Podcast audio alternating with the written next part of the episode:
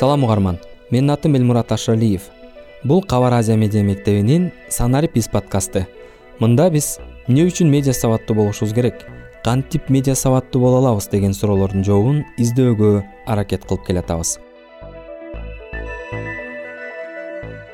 Бул эпизоддо маалыматтык көбүк жана интернеттеги жоопкерчилик жөнүндө сүйлөшөйүн деп турабыз.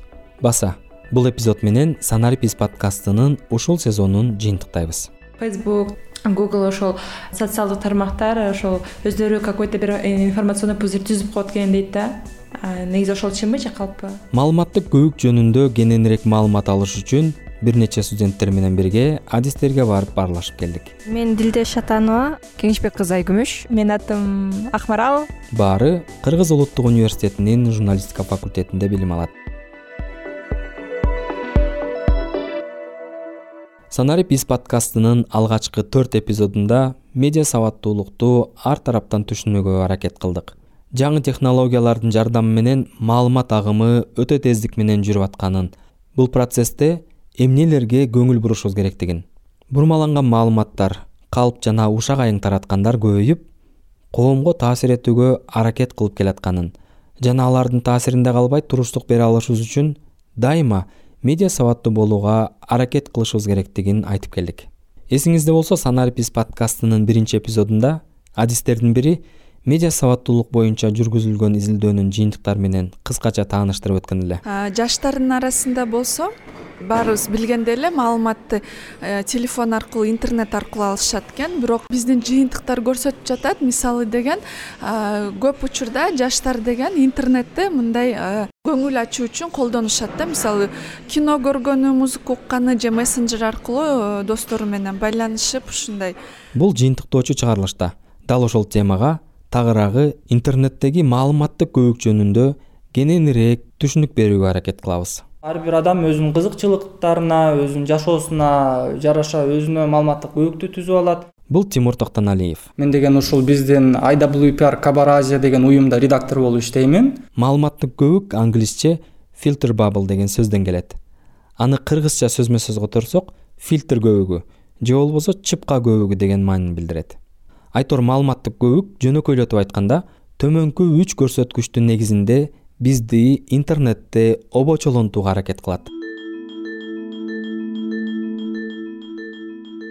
Биринчиси сиз интернетке кирген аймакка карап экинчиси сиз жөнүндө интернетте болгон маалыматка жараша жана үчүнчүсү сиз интернетте издеген маалыматтын негизинде сайттар сизге белгилүү бир маалыматтарды көрсөтүп калгандарын көрсөтпөй сизди кандайдыр бир маалыматтык көбүккө киргизип коюшу ыктымал тимур токтоналиев кененирээк түшүндүрөт. Твиттерде болобу фейсбукта болобу инстаграмда болобу эми э, ал э, социалдык тармактарда абдан көп миллиондогон баракчалар бар да. Алардын баарына жазылып баарын караш мүмкүн эмес. Ар бир адам ошо өз кызыкчылыгына жараша кайсыл бир баракчаларды адамдарды тандап анан деген э, ошодон анан анын маалыматтык көбүгү түзүлүп калат да. Ал деген күн сайын интернетке кирип телефонун ачканда ал ошол кимдерге жазылса эмнеге кызыкса ошол тууралуу эле маалыматтарды ала берет да. Анан ошондон анын деген э, ошондой өзүнүн мындай э, мини дүйнөсү түзүлүп калат. Ошол чакан дүйнөнү биз маалыматтык көбүк деп атайбыз айталы сиз спортко кызыксаңыз анда сиздин маалыматтык көбүгүңүздө спорттук темалар көбүрөөк көрсөтүлүп турат. Же болбосо саясатка кызыксаңыз анда google facebook же instagram сыяктуу сайттарда сизге басымдуу түрдө саясий темалар сунушталышы ыктымал мындан улам? Башка тармактарда э, жашоо кандай жүрүп жатканын анча деле байкабай калышы мүмкүн. Ал эми интернет жана коомдук тармактар жашообузга терең сүңгүп киргенге чейин маалыматтык көбүк бизге көп деле байкалчу эмес.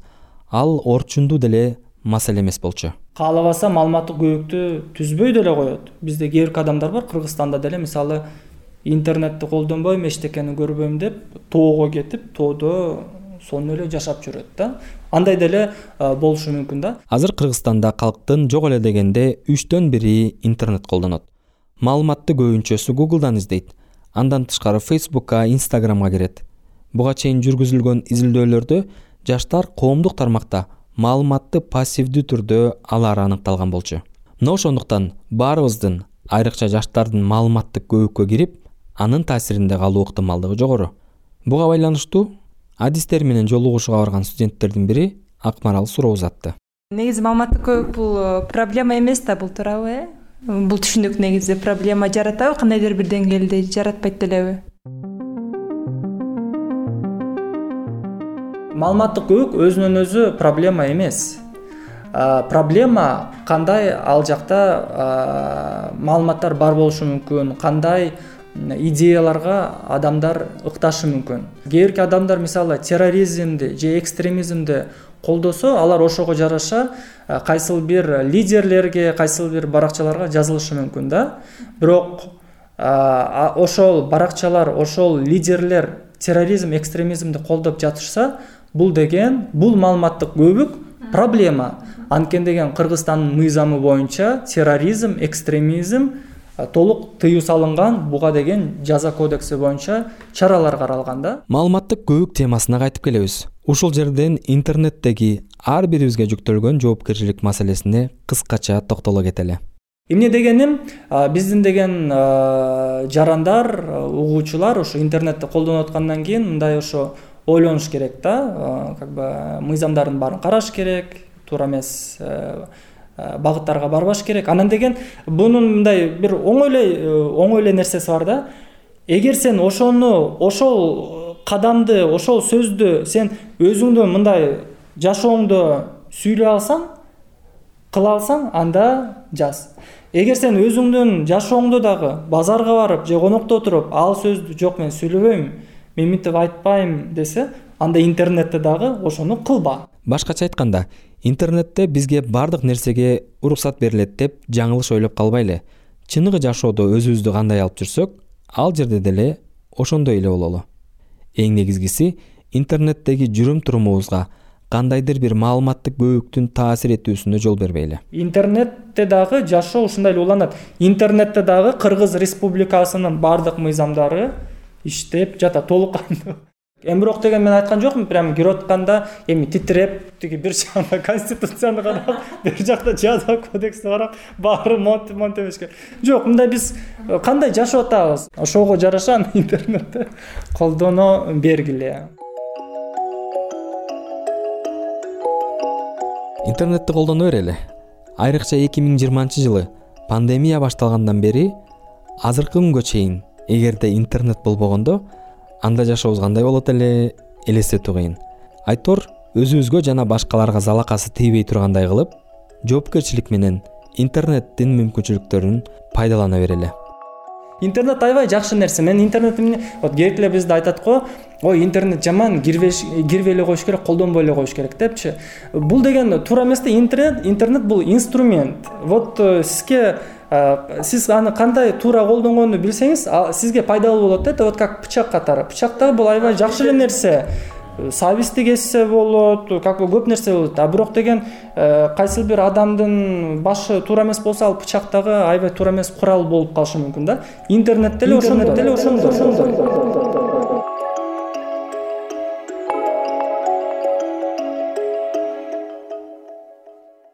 Кадырман угарман борбор азия мамлекеттериндеги орчундуу жана кызыктуу окуяларга процесстерге кызыксаңыз кабар азия платформасынын беш стан подкастын угуп көрүңүз. Подкаст баардык ири платформаларда жеткиликтүү. Андан тышкары кыргызстанда жана коңшу мамлекеттерде жарык көргөн подкасттар жөнүндө кененирээк маалымат алгыңыз келсе подкаст фест чекит кабар чекит азия сайтына өтүп таанышсаңыз болот. Сиз кабар азия медиа мектебинин медиа сабаттуулук темасына арналган санарип биз подкастын угуп атасыз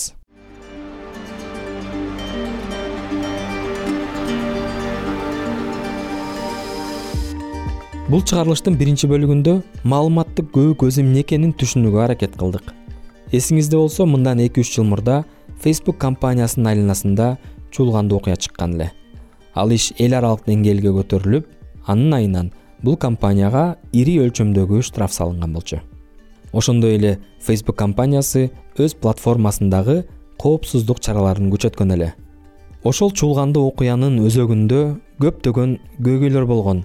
Алардын ичинен эң эле орчундуусу бул facebook компаниясы өз платформасындагы интернет колдонуучулардын жеке маалыматтарын топтоп аны кайра эле ошол колдонуучулардын интернеттеги жүрүм турумуна таасир этүү үчүн пайдаланганында болчу. Бирок биздин жеке маалыматтарыбызга бир эле фейсбук эмес башка ири технологиялык компаниялар дагы аңчылык кылууну улантып келатышат. Бул боюнча акмаралдын суроосуна кулак салсак. Фейсбук google ошол социалдык тармактар ошол өздөрү какой то бир информационный пузырь түзүп коет экен дейт да? Негизи ошол чынбы же калппы бул абдан кызыктуу суроо анан деген сиз э, бир чоң маселени бул жерде мындай ачып жатасыз да.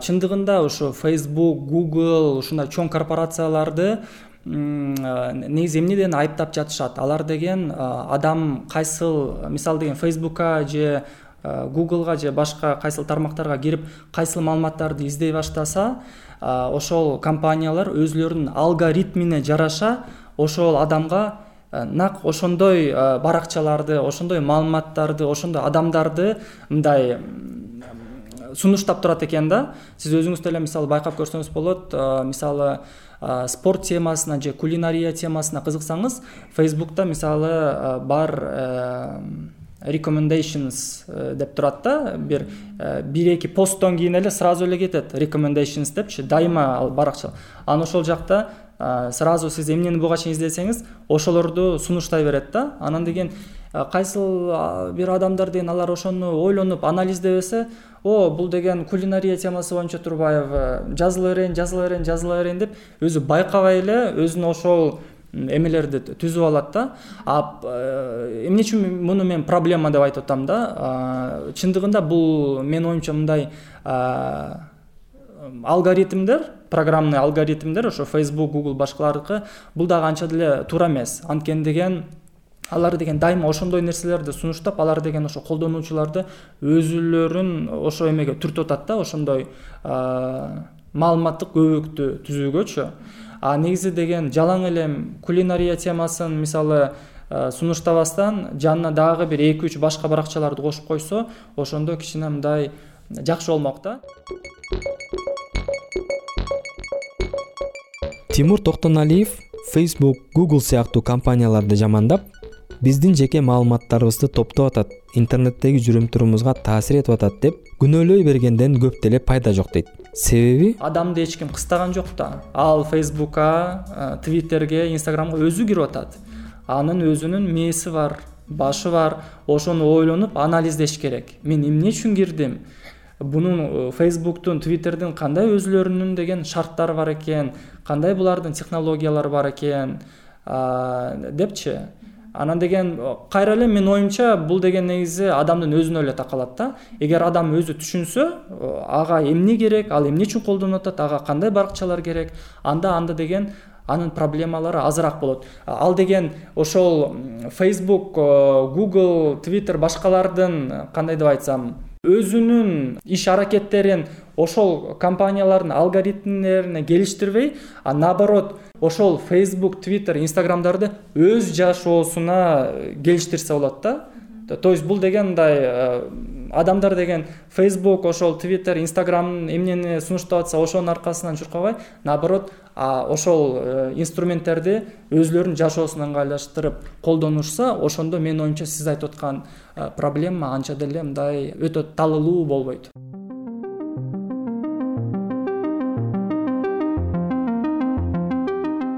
Эми орчундуу маселеге келсек сиз өзүңүздү кандайдыр бир маалыматтык көбүккө кирип калдым деп ойлойсузбу сиздин оюңузча ал кандай көбүк.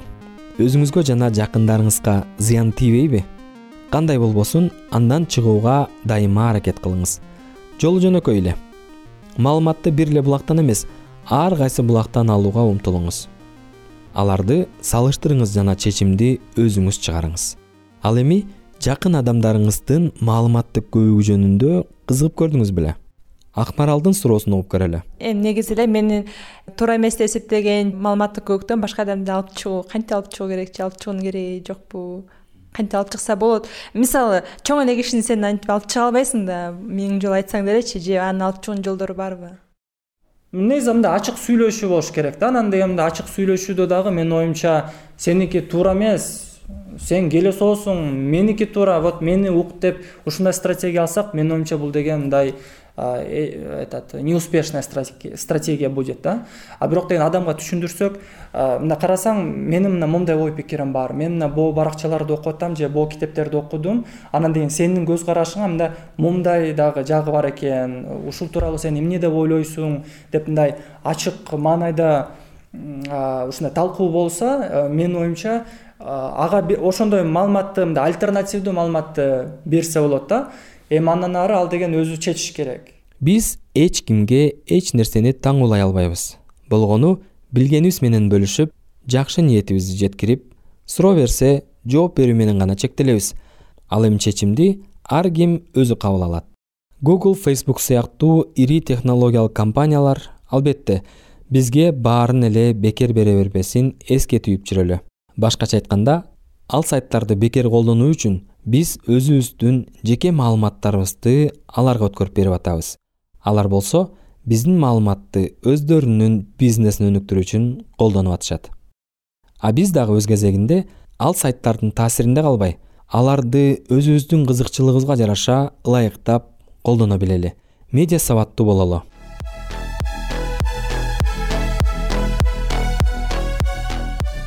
Маалыматтык көбүк темасын түшүнүүбүзгө жардам берген тимур токтоналиевке ыраазычылык билдирем. Ошондой эле өзүнүн кызыктуу суроолору менен бул подкастка катышкан кыргыз улуттук университетинин журналистика факультетинде окуп аткан сыдыкова акмаралга шатанова дилдеге жана кеңешбек кызы айкүмүшкө рахмат айтам. Ушуну менен кабар азия медиа мектебинин санарип из подкастынын биринчи сезону аягына чыкты. Аны мен элмурат ашыралиев даярдадым. Медиа сабаттуулук терең жана кенен тема. Бул санарип из подкастынын жалпы беш чыгарылышын бириктирип туруп медиа сабаттуулукка жалпы киришүү катары түшүнсөк дагы болот.